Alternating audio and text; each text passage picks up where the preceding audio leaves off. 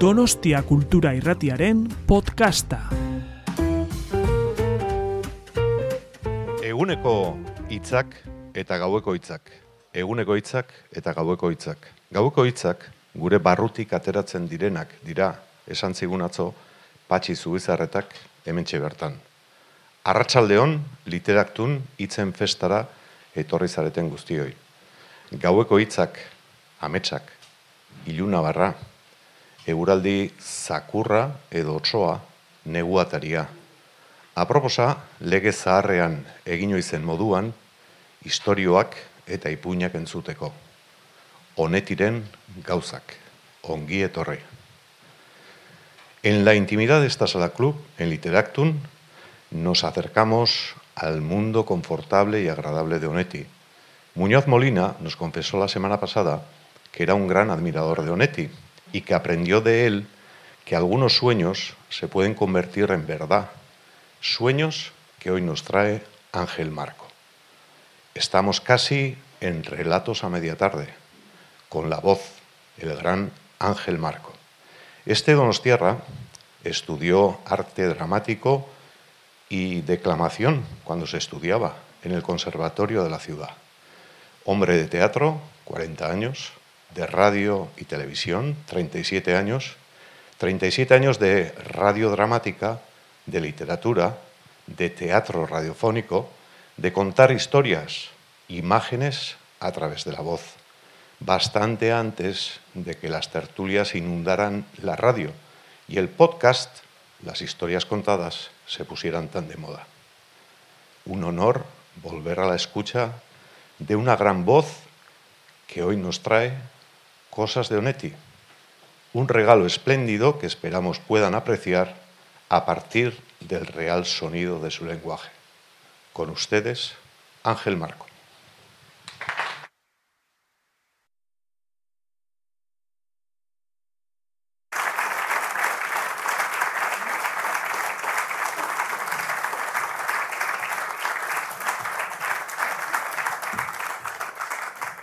Gracias por venir, pesar de la noche que hacía. Bueno, no se asusten, ¿eh? Esto ya ven que está un poco folclórico, pero no va a ser un acto folclórico. Nunca podría ser, aunque Onetti se pusiera folclórico, lo haría de otra manera. Es curioso cómo un hombre tan sencillo, tan familiar, según hablan los más cercanos de él, tuviera un mundo tan terrible como el que vamos a poder ver ahora en los cuentos. Tan tanta libertad daba su imaginación que podía bajar hasta lo más hondo del dolor y luego hacer una sonrisa. Siempre que te presentas para hacer algo como esto, un recital, el último Rapsoda, y quien me llama en plan de risa, me importa nada, al contrario, me llena de orgullo, pero ¿qué es? Yo leo, como la mayoría de vosotros. Yo me emociono. Yo vivo con una intensidad la lectura mayor que la realidad. Yo muchas veces me he preguntado, y estoy psicoanalizado nueve años, pero si yo no vivo la realidad más que a través de las emociones de los demás. Yo soy como un cotilla. Yo quiero saber cómo sienten los demás. Porque sabiendo cómo sienten los demás, conozco cómo es el mundo, cómo es el ser humano y cómo son los seres que yo quiero. O no quiero, porque son simplemente conocidos. Pero la emoción más grande es cómo vive la realidad el ajeno. Pero también hay otra cosa. Yo tengo también mi propia realidad, posiblemente diferente a la de todos, como todo el mundo. ¿no? Pero hay necesidad de transmitir esa sorpresa, ese afán que a ti te hace gozar tanto cuando lees o cuando ves una obra de arte. Entonces, esa necesidad de transmitir a los demás eso es lo que me trae a mí aquí. Así que vamos ya con las cosas de Onetti, que son... bueno, yo no les digo nada, ya verán. Vamos ya. Son cuentos, unos 11, 11 cuentos de Onetti, los que vamos a oír hoy. Ah, hay otra cosa. Oír la literatura, oír lo que se escribe. Ay, los actores. Estamos pendientes de ello. Los actores, bueno, al menos los de nuestra época, lo único que nos interesaba era la palabra. Ahora ya no, ahora el teatro es más amplio y me parece muy bien, formidable. Pero la palabra, la palabra nos hacía existir.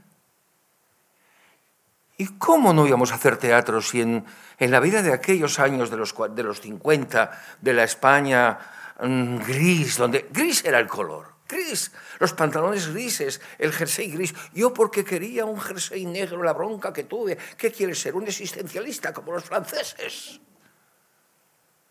Entonces, esa necesidad, ¿dónde se me ha ido ya el, rollo? Es la edad, son, son 80 casi. Bueno, eh, quería decir que al transmitir a eso, quiero yo transmitir a los demás todo lo que yo he sentido. Esas sutilezas que coges y que te hacen tener tanta belleza dentro de ti. A eso igual con los actores. Que dices, ¿cómo no voy a amar la cultura, el arte? Eh, porque lo mismo en literatura que en pintura que en música. Pero los actores, ¿cómo no van a querer ser seres superiores en el escenario cuando nuestras vidas nuestras eran grises, torpes, amargadas? Y llegábamos al escenario y ¡ay! Ser o no ser. ¡Clac! Y ya, ¡ah!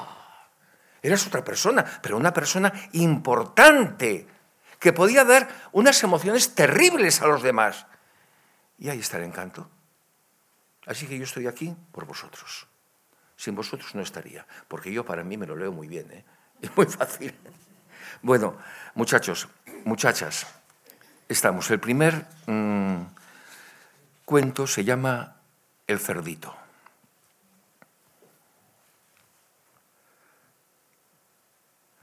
La señora estaba siempre vestida de negro y arrastraba sonriente el reumatismo del dormitorio a la sala.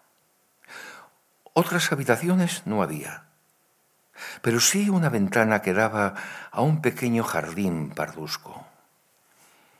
Miró el reloj que le colgaba del pecho y pensó que faltaba más de una hora para que llegaran los niños. Los niños no eran suyos.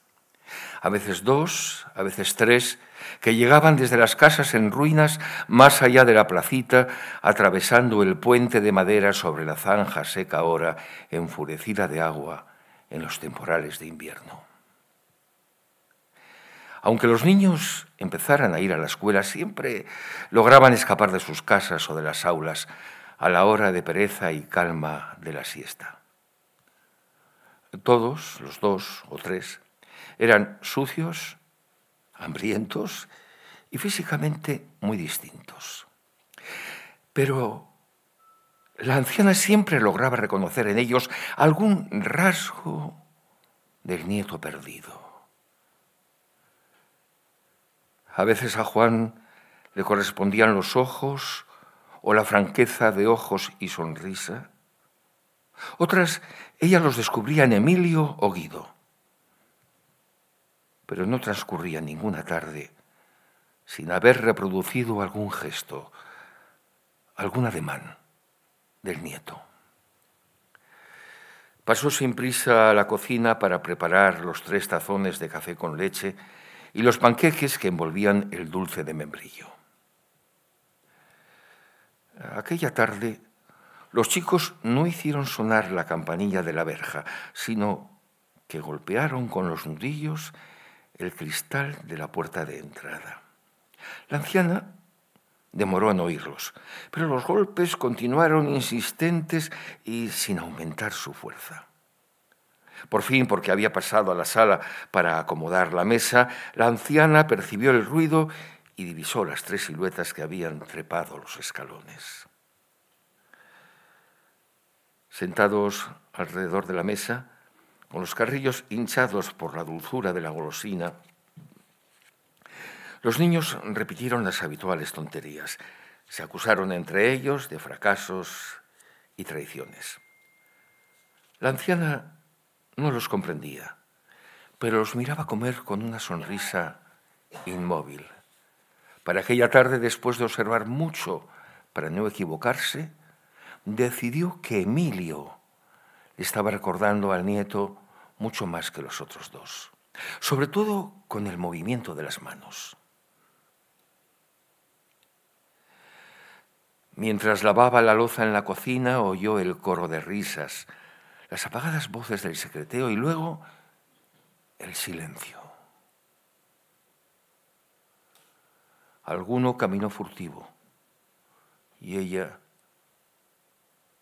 no pudo oír el ruido sordo del hierro en la cabeza. Ya no oyó nada más. Bamboleó el cuerpo y luego quedó quieta en el suelo de la cocina. Revolvieron en todos los muebles del dormitorio. Buscaron debajo del colchón. Se repartieron billetes y monedas. Y Juan le propuso a Emilio, darle otro golpe por las dudas. Caminaron despacio bajo el sol y al llegar al tablón de la zanja cada uno regresó separado al barrio miserable. Cada uno a su choza. Y Guido, cuando estuvo en la suya vacía, como siempre en la tarde, levantó ropas, chatarra, desperdicios del cajón que tenía junto al catre y extrajo la alcancía blanca, blanca y manchada, para guardar su dinero una alcancía de yeso en forma de cerdito con una ranura en el lomo.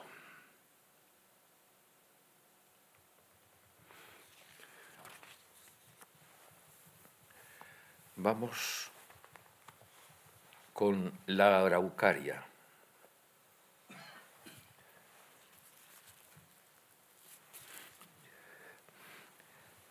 El padre Larsen bajó de la mula cuando ésta se negó a trepar por la calle empinada del Villorrio. Vestía una sotana que había sido negra y ahora se inclinaba decidida a un verde botella, hijo de los años y de la indiferencia. Continuó a pie deteniéndose cada media cuadra para respirar con la boca entreabierta y diciéndose que debía dejar de fumar.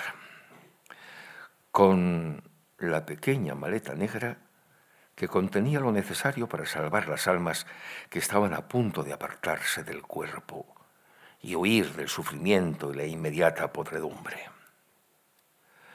No lo procedía un monaguillo con una campanilla. Nadie agitaba una vinagrera, nadie rezaba, salvo él, durante cada descanso. La pequeña casa pintada de un sucio blanco estaba emparedada por otras dos casi iguales. Y las tres se abrían al camino de tierra dura por puertas hostiles y estrechas. Le abrió un hombre de años indiscernibles con alpargatas y bombachones blancos. Se persignó y dijo, Por aquí, padre. Larsen sintió la frescura de la pieza encalada y casi olvidó el sol agresivo de las calles mal hechas. Ahora estaba en una habitación pobre de muebles, en una cama matrimonial. Una mujer se retorcía y variaba del llanto a la risa desafiante. Después llegaron palabras, frases incomprensibles que atravesaban el silencio, la momentánea quietud del sol buscando llegar a las sombras que se habían aproximado. Un silencio, un mal olor persistente y de pronto la mujer agonizante trató de levantar la cabeza, lloraba y reía, se aquietó y dijo, quiero saber si usted es cura. Larsen paseó las manos por la sotana para mostrarla, para saber él mismo que seguía enfundado en ella. Mostró al aire porque ella tenía muy abiertos los ojos y solo miraba la pared blanca opuesta a su muerte. Mostró estampas de bruscos colores desleídos, medallas pequeñas de plomo, achatadas por los años, serenas algunas, trágicas otras, con desnudos corazones asomando exagerados en pechos abiertos. Y de pronto, la mujer gritó el principio de la confesión salvadora. El padre Larsen la recuerda así. Con mi hermano desde mis trece años, él era mayor, jodíamos toda la tarde de primavera y verano al lado de la acequia debajo de la araucaria. Y solo Dios sabe quién empezó, si nos vino la inspiración en conjunto y jodíamos, y jodíamos porque aunque tenga cara de santo, termina y vuelve y no se cansa nunca. Y dígame, ¿qué más quería yo? El hermano se apartó de la pared, dijo no con la cabeza y adelantó una mano hacia la boca de su hermana, pero el cura lo detuvo y susurró, déjale mentir, deja que se alivie. Dios escucha y juzga. Aquellas palabras habían agregado muy poco a su colección. Tenía ya varios incestos inevitables en el poblacho despojado de hombres que se llevó la guerra o la miseria, pero tal vez ninguno tan tenaz y reiterado, casi matrimonial. Quería saber más y murmuró convincente, es la vida, el mundo, la carne, hija mía. Ahora, ella volvía a dilatar los ojos perdiéndose en la pausa protectora de la pared encalada. Volvió a reír y a llorar sin lágrimas, como si llanto y risa fueran sonidos de palabras y graves confidencias. Larsen supo que no estaba moribunda ni se burlaba. Estaba loca. Y el hermano, si era el hermano, vigilaba su locura con una rígida cara de madera. E-, equivocándose ordenó Padre Nuestros y Ave Marías, y como en el pasado vaciló con el viejo asco, mientras se inclinaba para bendecir la cabeza de pelo húmedo y entreverado. No pudo ni quiso besarle la frente.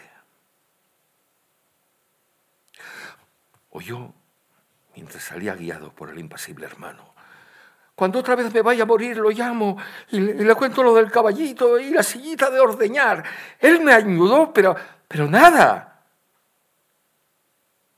En la calle, bajo la blancura empecinada del sol, la mula restregaba el hocico en las piedras, buscando en vano mordiscar. Al regreso de retorno al corral, la bestia trotó dócil y apresurada, mientras el padre Larsen, sin abrir el quitasol, hacía balance de lo obtenido y aguardaba esperanzado a que llegara la segunda agonía de la mujer. El padre Larsen buscó sin encontrar ninguna araucaria.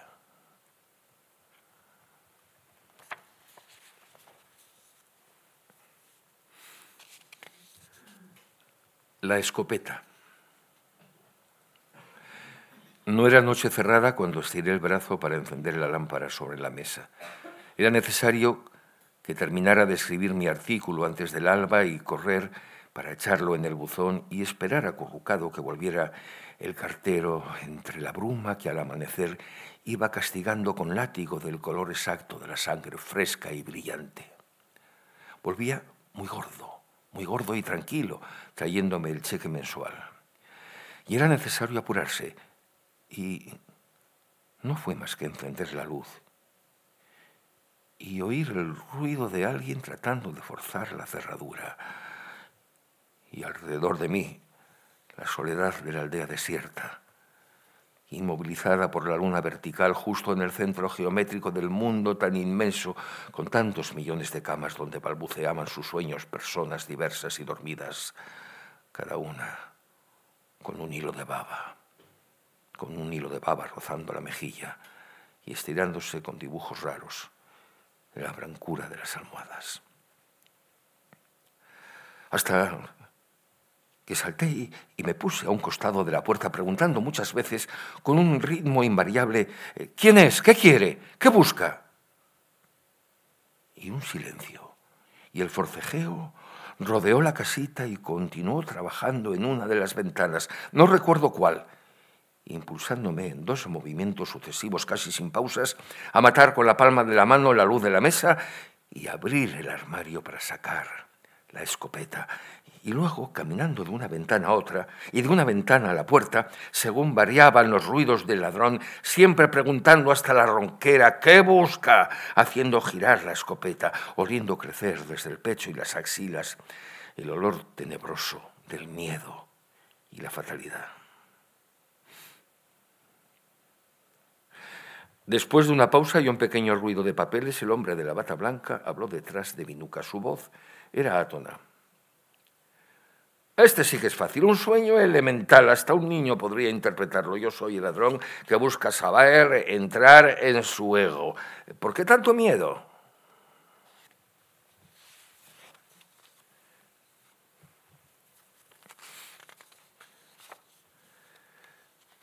El gato. Muchas cosas desagradables se pueden decir o imaginar de John, pero nunca le sospeché una mentira. Tenía demasiado desprecio por la gente para inventarse cualquier fábula que le fuera favorable. De modo que cuando me contó, alegre y bebiendo dry martinis, la historia, para mí sobre todo, de uno de sus casamientos fallidos, no tuve dudas. Era o fue como mirar y oír una película sin posibilidad de recomienzo ni temor sobre su capacidad de ser creída.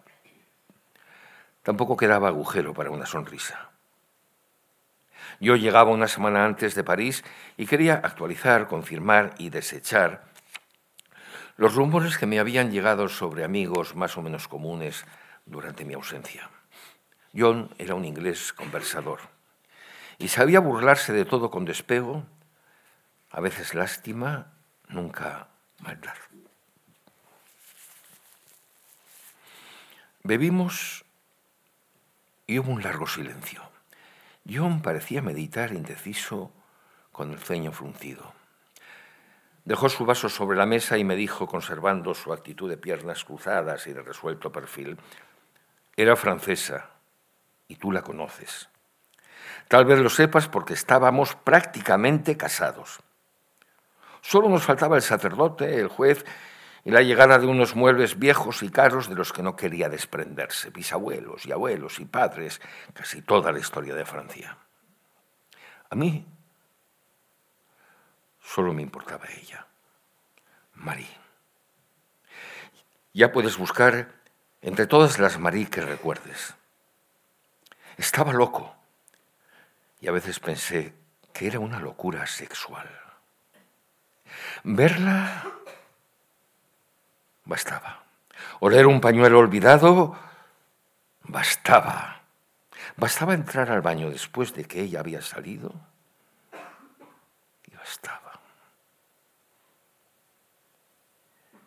Nos veíamos todas las semanas aquí o en París, dos o tres días seguidos. Íbamos y volvíamos. Y mi deseo aumentaba cada vez. Yo me entregaba a él escarbaba en él, quería más y más, y cada más era como un escalón que me impulsaba a pisar otro, siempre en descenso, porque yo sabía que estaba perdiendo salud y cerebro. Sin dejar de ofrecerme un hombro, hizo una seña a Jeeves y vinieron dos vasos, dry martini para él y un gin tonic para mí. Encendió la pipa, él sabía que fumar apresuraría mi muerte. Estuvo un rato pensando, casi sonriendo con labios que no endulzaba la alegría. Como ocurre siempre en esta clase de cuentos, me mantuve en silencio esperando. Fui recompensado. Johnny dijo sin mirarme. Al gato lo bauticé Edgar. Y no porque fuera un gato negro con símbolos de horror blancos en su pecho.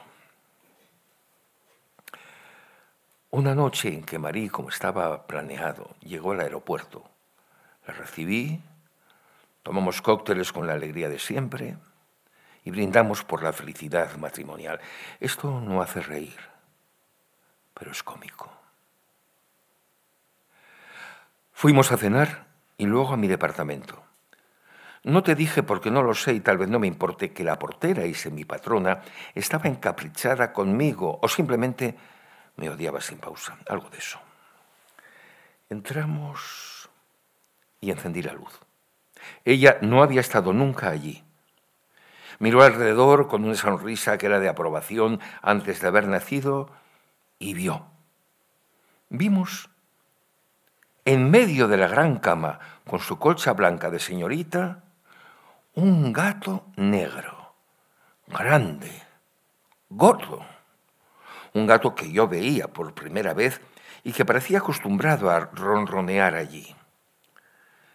Con las patas dobladas bajo el pecho, nos miró con ojos curiosos y volvió a cerrarlos. Hasta hoy no sé cómo pudo haber entrado, sospecho apenas.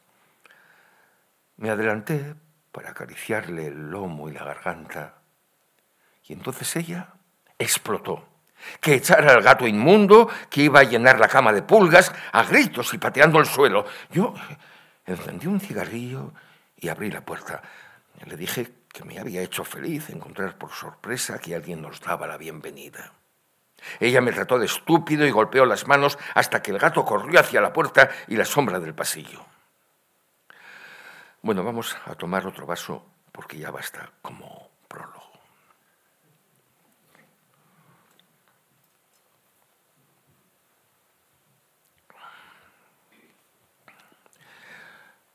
Lo que ocurrió es simple y para mí muy trabajoso de explicar, dijo el inglés. En aquel momento resolví que yo nunca podría casarme con aquella mujer, que era imposible vivir de la noche al día con ella. Hasta el cansancio de la madrugada pensé esto.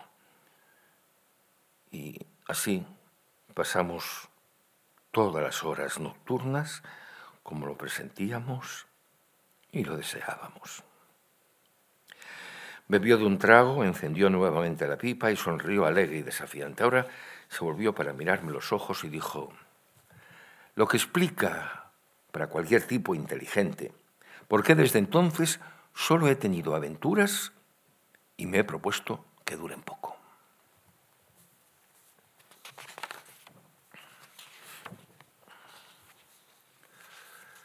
Maldita primavera. Aquella mañana temprano Aránzuru abrió la gran ventana sobre los olores del jardín y un viento leve y caprichoso le tocó la cara y le revolvió el pelo. Mientras se afeitaba, medio enfermo de sueño por haber dormido poco, se interrumpió para mirar fijamente el espejo. La cara sin arrugas, pero con la carne floja bajo el mentón las sienes con el pelo gris y mal cortado, los ojos sin brillo donde la curiosidad estaba muriendo, los labios aún rojos, terminando con brusquedad en caídas amargas. No encontraba huellas del alcohol de la noche anterior. Se puso bajo la ducha tibia y luego helada, restregando el jabón con una furia maniática. Elga había prometido en el teléfono llegar por la mañana, llegar antes de mediodía y preparar el almuerzo. La había visto por primera vez cuando ella tenía 16 años y él estaba siendo empujado a la cuarentena. Fueron amantes esporódicos durante dos años. Después la sacaron del país y ahora había vuelto cinco años después del adiós. No sabía si Elga, que ahora era una mujer, lo había llamado para decirle que estaba terminado el paréntesis. No quería saber por qué había sonado aquella voz reconocible, pero distinta a la del recuerdo, alegre, pesada, segura. Mientras caía un chaparrón después de los aullidos y semidesmayos en la cama, ella se empeñó en hacer el almuerzo y se metió con una vieja bata de Aranzuru en la pequeña cocina. Él cocinaba siempre a mediodía y nada comía por la noche. Fumando en la cama, oyó el ruido de los huevos al fritarse y aspiró junto al humo del cigarrillo un tenue olor de cosa que se quema. Entonces, de pronto y, sin motivo definible, comenzó a desconfiar. Y esa desconfianza se extendía al pasado, mientras sentía las débiles quemaduras de la, de la ceniza en los vellos del pecho. Lo sentía. La sospecha retrocedía hasta los prólogos con Elga, hasta la felicidad y la fe de las primeras noches clandestinas, cuando Elga avisaba a su familia que pasaría la noche con su mejor amiga. Cubría también un después cuando ella no tenía que pedir permiso a nadie y él exclusivamente acaso era el destino de las mentiras. Así hasta que la sospecha le llegó a las piernas, luego de resbalar sin respuesta sobre el trío masculino, mustio ahora, arrugado en su petición de descanso, y lo obligó a saltar desnudo de la cama y hundir la cabeza en la abertura de la ventana, ver y respirar la primavera, y pensar en un verso anónimo, en una imprecación. ¿Por qué habrás vuelto, maldita primavera? Durante la comida sin gracia, Aranzuru miraba el sol y llovizna en la ventana, oyéndola masticar. Luego supo que no estaba equivocado. Un rápido amor en el borde de la cama, un montón reiterado y consciente de caricias en la frente y el montón, el mentón quiero decir, y después la mirada los ojos sin amparo antes de la súplica húmeda. Quiero ir a Ibiza. Tengo que ir y no tengo dinero. Ay, amor, si, si pudieras ayudarme. ¿Ibiza? Preguntó él sabiendo que trampeaba Ibiza. ¿Vamos juntos? Es que yo, la verdad, tengo un compromiso. Aranzuru dejó la cama tanto semen perdido, y fue a sentarse al escritorio. Desnudos los dos, casi ridículos. Ella empezó a vestirse. Siempre fuiste una puta y estuve loco por ti, porque nunca tropecé con una puta tan puta. Dime, ¿cuánto quieres o quiere tu nuevo macho? Te hago el cheque. Ahora el cielo estaba limpio, el sol intenso y afuera las plantas erguían nuevamente sus tallos floridos.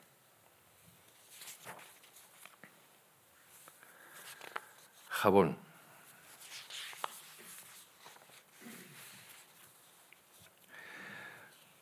No hizo ninguna seña para que Saad detuviera el coche la figura estaba quieta y paciente, tal vez aburrida, al borde del camino, junto a un árbol del que empezaba a surgir la primavera como pequeñas lanzas de un verde aún indeciso. Saad detuvo el coche frente al árbol y vio la gran maleta negra. Vio que la persona que le sonrió tenía una cabeza de mujer joven, extraordinariamente hermosa un suéter rojo que cubría el pecho sin la menor sospecha de senos, un pecho liso de varón y pantalones negros que no insinuaban el bulto del sexo. Hombre, mujer, efebo, hermafrodita. Sadr lo necesitó de pronto con fuerza y jadeando. Necesitó que subiera el coche, necesitó de aquello con miedo. Empezó a creer que lo había estado esperando desde la primera juventud y casi llegó a creer que necesitaría la presencia o cercanía de ello. El corte de pelo era masculino y no había pintura en la cara hasta el resto de sus días. Al entrar, ello dijo gracias Isaac pensó que la voz no había revelado nada. Era la de alguien que hubiera bebido y fumado mucho la noche anterior, hombre o mujer. ¿A dónde quiere ir? preguntó Saad, para volver la cabeza y examinar la piel de las mejillas del pasajero. Ningún rastro de barba, pero el pecho continuaba hostil y aplastado. Un poco lejos, yo le aviso, siguiendo derecho. ¿Cuáles eran sus planes? Tampoco había nuez en el cuello blanco. Eran, pensó Saad, como si ello hubiera resuelto modificar el viaje proyectado. Y como si pudiera hacerlo, como si quisiera hacerlo, como si estuviera seguro, segura de imponer sin violencia sus propios planes. La gran maleta apoyada en el asiento trasero proponía una mudanza, un querido desarraigo. Y dentro de la maleta estaba la clave del sexo de ello, si es que tenía alguno. Porque no había signos de la adulterada femineidad de un muchacho invertido, nada de la soterrada virilidad de una lesbiana. Si fuera posible hurgar en la maleta. No hay planes rígidos por mi parte. Tengo un mes de vacaciones, de no hacer, si Dios quiere, nada que me disguste. Pensaba detenerme en San Sebastián para almorzar, después seguir a Estapó, donde alquilé una casita que no sé si la voy a encontrar. Eh, si quiere, puede acompañarme a almorzar y a perdernos entre pinos enormes buscando la casita. Solo sé que se llama Purcuapa y está cerca del paradero del jabalí. Ello no contestó. Se fue reclinando en el asiento nuevamente, iluminada la cara con la sonrisa y apoyó la nuca en el respaldo como quien se prepara para un largo viaje. A los pocos días, el deseo de Saad fue creciendo y tuvo momentos de silencio y de escondido dolor junto a la querida, la plácida presencia de ello. Porque aquella criatura adorada le ofrecía o apenas insinuaba su doble cara, sus dos cuerpos, muy pronto el hombre sintió el impulso angustioso de avanzar y oprimir, indiferente, a que sus imaginados abrazos rodearan un cuerpo de mujer o de hombre. Pero quería saber. Y cuando ello bajaba con la cesta de compras por el caminito sinuoso e impuesto a los grandes espacios de césped verde por la insistencia de tantos pasos perdidos, entraba como ladrón en el dormitorio del monstruo ansiado y disfrutaba la cama, las dos mesas, los pequeños frascos de medicina. Lo que no le servía para nada. No revelaba el secreto. La gran maleta negra siempre debajo de la cama, cerrada con llave. Y cuando él tomaba sol con los shorts y el pecho desnudo, ella se acurrucaba, pantalón negro y suéter rojo, en la sombra del alero de la casita o bajo los grandes árboles para sonreír en paz a la belleza de las construcciones blancas distribuidas sin orden por las pequeñas y suaves colinas.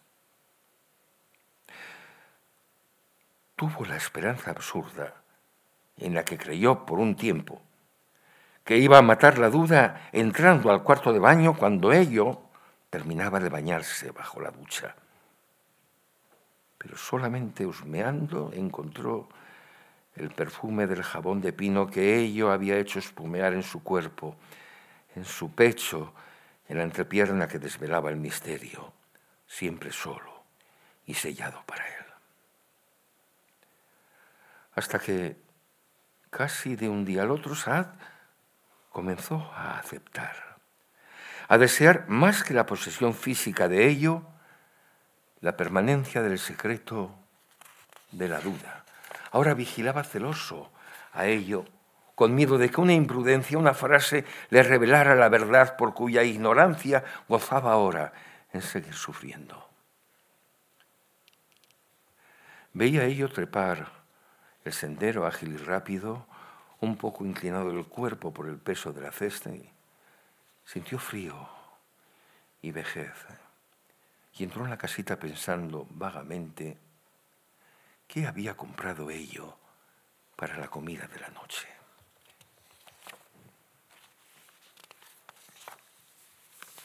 No da descanso, ¿verdad?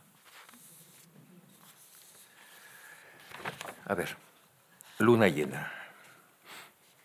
Se llamaba Carmencita y tendría 50 años a lo más. Terminó la tercera vuelta en la cama, se quitó la sábana de la cara y supo que no iba a dormir.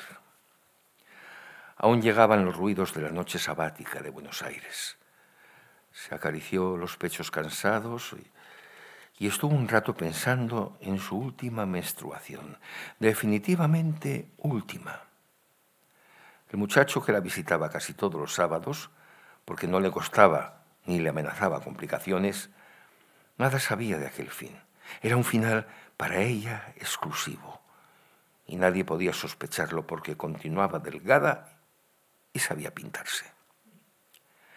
Derrotada, encendió la luz y un cigarrillo. Luego manoteó la cortina de la ventana y, y casi creyó que su frente golpeaba contra la redonda luna amarilla, suspendida en la negrura del cielo como la lonja de un tambor. Recordó. Otoño amarillea ya su parche como un viejo tambor de romería. La lengua se movía dentro de la boca repitiendo los versos, siempre en silencio. Recordó el susto de los trece años, la primera vez. Luego, en cortas instantáneas, las caras y los cuerpos, los movimientos, gestos y casi las voces de los hombres. No todos, que habían mezclado sus pieles con la suya. Pero solo uno se quedó, el más imbécil, un buen proveedor, como supo cuando se casaron. Dos años y medio el hombre leyendo con una sonrisa aprobatoria los poemas, los cuentos que ella escribía. Pero aquello no era del todo serio y cada lectura terminaba con una caricia en la cabeza, en el pelo enredado. Dos años y medio, sesenta meses. Y ella se mudó a un piso pequeño y abierto, a la luz, en la calle Ayacucho, el mismo que ahora fumaba triste y rabiosa y veía otras cosas pasadas. El primer libro pagado por ella, sus otros libros, elogiados por sus amigos, los premios con que le pagaron bondades, y ella siempre sabiendo que todo lo que había escrito podía desaparecer sin que nadie se enterase sabiendo que todo era mediocre y pretencioso, sabiendo y odiando a los hombres que usaba y la iban usando. Tantos años. Se puso a rebuscar, como si el encuentro fuera posible, el momento, la línea que separó la juventud de la vejez. En todo caso, ya había pasado demasiado tiempo del inicio de la desdicha del cuerpo porque aún recordaba permanentemente el anillo de arrugas que le marcaban el cuello, siempre cubierto con pañuelos de seda brillantes de colores rabiosos y adolescentes, y ella se sentía un joven, sana, y su cerebro, estaba segura, no había acompañado la desdicha del cuerpo, su espantable, voluntariosa, incontenible, innegable inclinación hacia la decadencia, el encogimiento y la muerte. También logró, y de esta fuente de venganza vivía, que un periódico casi no leído le permitiera dirigir un cuarto de página para hacer crítica literaria. Y como todos, casi todos los hombres que habían llegado y se habían ido, pertenecían a la fauna intelectual. Y de vez en cuando publicaban libros, era posible descargar allí su bilis y su risa de burla tan cascada ahora tan lejos de campanillas y cascabeles. Oyó la sirena de un coche policial que se alejaba del barrio norte y el golpe de una portezuela de automóvil. Alguna que vuelve de una cama. Pensó sin dolor. Recordó su conversación con Mario el pasado verano en la arena de una playa escondida casi privada en Mar de Plata. Era ella hablando mientras la mano de Mario jugaba con la arena. Ella decía, qué injusto es Dios o la naturaleza, que hace ridícula a una mujer de 50 años liada con un muchacho de 20. Y si es al revés, todo el mundo lo encuentra normal. Al clarear la madrugada apagó el último cigarrillo y estuvo buscando en los cajones de la mesita hasta encontrar las pastillas anticonceptivas y el tubo de somníferos. Levantó la persiana y tiró hacia la suave luz de la mañana las píldoras tan innecesarias desde tiempo atrás. Tragó los somníferos con la ayuda de Jerez, tomado de la botella. Lo que restaba de la noche, la negrura rodeándola, tratando de convencerla de una necesidad de descenso, hundimiento lento y sin tropiezos. Se revelaba sin fuerzas y lograba verse en el centro de una kermés de pueblo donde el vino dorado solo daba alegría y nadie estaba embriagado y el círculo de bailarines giraba entrando en las canciones, envolviéndose con ellas. El que había sido suyo con un vestido rameado, moviéndose sin cansancio, feliz, sin presentimientos de arrugas ni dolores suaves en las articulaciones, y ella tan limpia, tan tensa, la piel de su cara rosa, ahora por el cansancio feliz, y un clavel en el peinado, un clavel en el pecho, un clavel en la boca, tan feliz, tan temerosa de dejar de serlo, que manoteó en la sombra para atrapar más soníferos, más jerez. Y entonces no quiso volver la dicha de su danza, sin pausa, a la luz de los farolillos, de las velas cubiertas por cilindros arrugados de papeles coloreados, un acel, un verde y un rujo, y la sección de la cama. Y se redobló sabia y sin violencia, y dueña, y esclava de la negrura, aceptó hundirse respirando por última vez el desvaído olor a lavanda de la sábana que le cubría el mentón.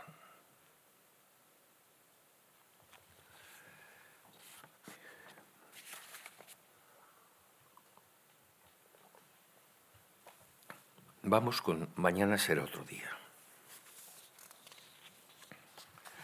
La lluvia había dejado las ramblas casi vacías y solo quedaba gente agrupada en el café encristalado donde meses atrás no la dejaban entrar. La Sonia, de pie en el portal de la casa y vacía, vio que la lluvia pasaba fatigada a mansa llovizna. La vio cesar mientras crecía el viento del viento y pensó que aquello era un signo de buena suerte. Un poco más lejos del otro lado del ancho paseo las luces de la ciudad comenzaban a encenderse.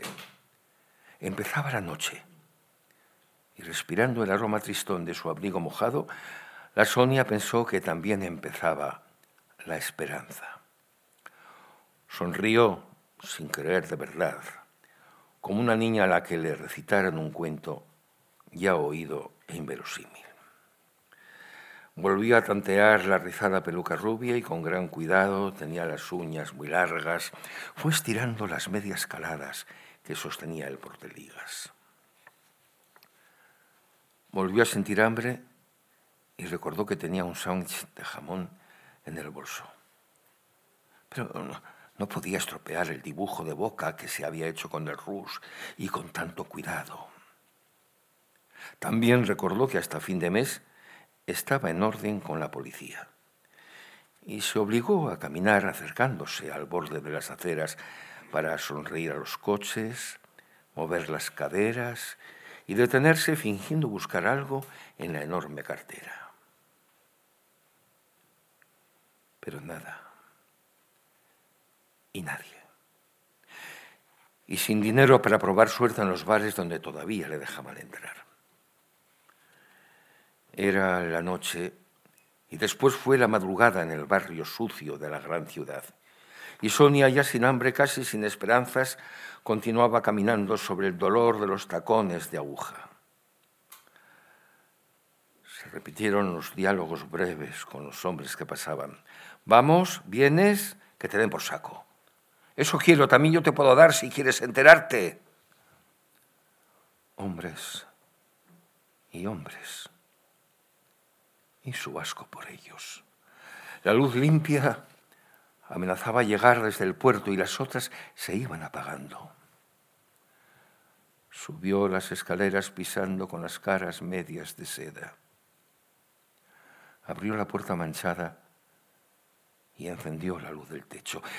El muchacho que se sentó en la cama preguntó con miedo, ¿Cómo te fue? Como la mierda, nena. Estoy hambrienta. Creo que teníamos una lata de sardinas y quedó pan del desayuno. El chico moreno y flaco se levantó de la cama y se puso a revolver en el armario. Dijo con voz de mimo y queja, todavía no me besaste. Ahora, frente al espejo, la Sonia se quitó la peluca y se acarició las mejillas. Otra vez barbuda. Después se desnudó y estuvo mirando los pechos hinchados con parafina y el sexo que le colgaría tembloroso e inútil hasta después de las sardinas. La mano. A pocos días de entrar en la fábrica, cuando pasaba para ir al baño, oyó que algunas compañeras murmuraban y del murmullo le quedó el desprecio. La leprosa. Por su mano enguantada, la que durante años anteriores al guante supo esconder en la espalda o en la falda o en la nuca de algún compañero de baile. No era lepra no había caído ningún dedo y la interminante, intermitente picazón desaparecía pronto con el ungüento recetado. Pero era su mano enferma, a veces roja, otras con escamas blancas. Era su mano. Y ya era costumbre quererla y mimarla como a un hijo débil, desvalido, que exigía un exceso de cariño. Dermatitis, había dicho el médico del seguro. Era un hombre tranquilo, con anteojos de vidrios muy gruesos. Le dirán muchas palabras y le recetarán nombres raros, pero nadie sabe nada de eso para curarla. Para mí, no es contagioso. Y hasta diría que es psíquico. Y ella pensó que el viejo tenía razón, porque sin ser enana, su altura no correspondía a su edad y su cara no llegaba a la fealdad. Se detenía en lo vulgar, chata, redonda, ojos tan pequeños que su color desteñido no lograba mostrarse. Así que para el baile de fin de año que ofreció el dueño de la fábrica para que los asalariados olvidaran por un tiempo sus salarios, consiguió comprarse un par de guantes, un par de hermosos guantes que escondían las manos y trepaban hasta los codos. Pero por miedo de desinterés, nadie se acercó para invitarla a bailar. Y pasó la noche sentada y mirando. Al amanecer ya en su casa tiró los largos guantes a un rincón y se desnudó. Se lavó una vez y otra la mano enferma en la cama, antes de apagar la luz, la estuvo sonriendo y besando. Y es posible que dijera en voz baja, las ternuras y los apodos cariñosos que estuvo pensando. Se acomodó para el sueño y la mano, obediente y agradecida, fue resbalando por el vientre. Acarició el vello y luego avanzó dos dedos para ahuyentar la desgracia y acompañar y provocar la dicha que la estaban dando.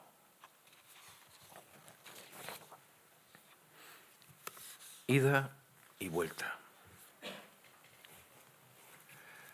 Se encontró solo en la sala de espera y se puso a mirar el diario que había llevado bajo el brazo. Las manos le temblaban levemente. Sacó un cigarrillo y antes de encenderlo se acarició el ralo bigote cuyo crecimiento había vigilado durante semanas. Nunca había soportado el humo del tabaco y tosió con lágrimas, pero tenía que seguir fumando como un hombre hasta que llegara el momento de levantarse. No podía recordar para imitarla cómo era la expresión de un hombre cínico, un hombre maduro, y ya de vuelta. Tenía tres puertas por delante. Fui paseando a la mirada de una a otra mientras sentía golpear su corazón. La puerta del medio se abrió justamente cuando la estaba vigilando. Y apareció una mujer rubia, grande, cómoda, plácida y gorda. De los hombros le colgaba una bata desprendida y le sonrió desde la distancia, amistosa y alegre, como si pudiera haberlo reconocido. Pasa, negrito, dijo, y él tenía el pelo castaño. Se levantó del banco y avanzó sin mostrar su rechazo, sin poder contestar a la sonrisa alta e inmóvil. La habitación tenía una cama grande cubierta por una sábana mal estirada, una cómoda, una gran jarra verde, hojas en relieve sobre una palangana rajada. Había un perfume perdido en el olor inolvidable de la cocinilla a querosén. La mujer, sonriendo ya sin la bata desde la cama, empezó a parecerle enorme a medida que se iba quitando la ropa. Se arrimó al calor del fuego inquieto para terminar de desnudarse. Después, la gorda se hizo cargo de él con experta paciencia, bondadosa y maternal.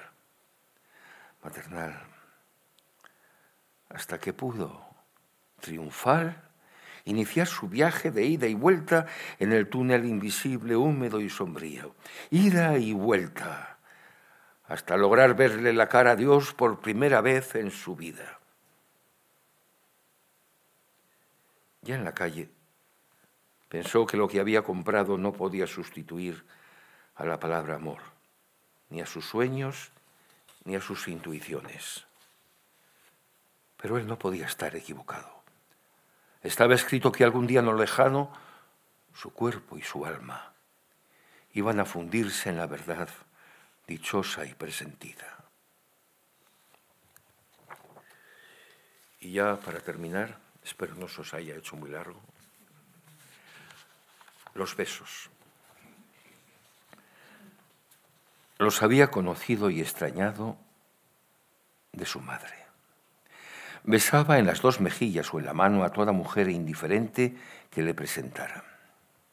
Había respetado el rito prostibulario que prohibía unir las bocas. Novias, mujeres, le habían besado con lenguas en la garganta y se habían detenido sabias y escrupulosas para besarle el miembro. Saliva, calor y deslices, como debe ser. Después, la sorpresiva entrada de la mujer, desconocida, atravesando la herradura de dolientes, esposa e hijos, amigos llorones suspirantes. Se acercó impávida la muy puta, la muy atrevida. Se acercó para besarle la frialdad de la frente por encima del borde del ataúd, dejando entre la horizontalidad de las tres arrugas una pequeña mancha carmín.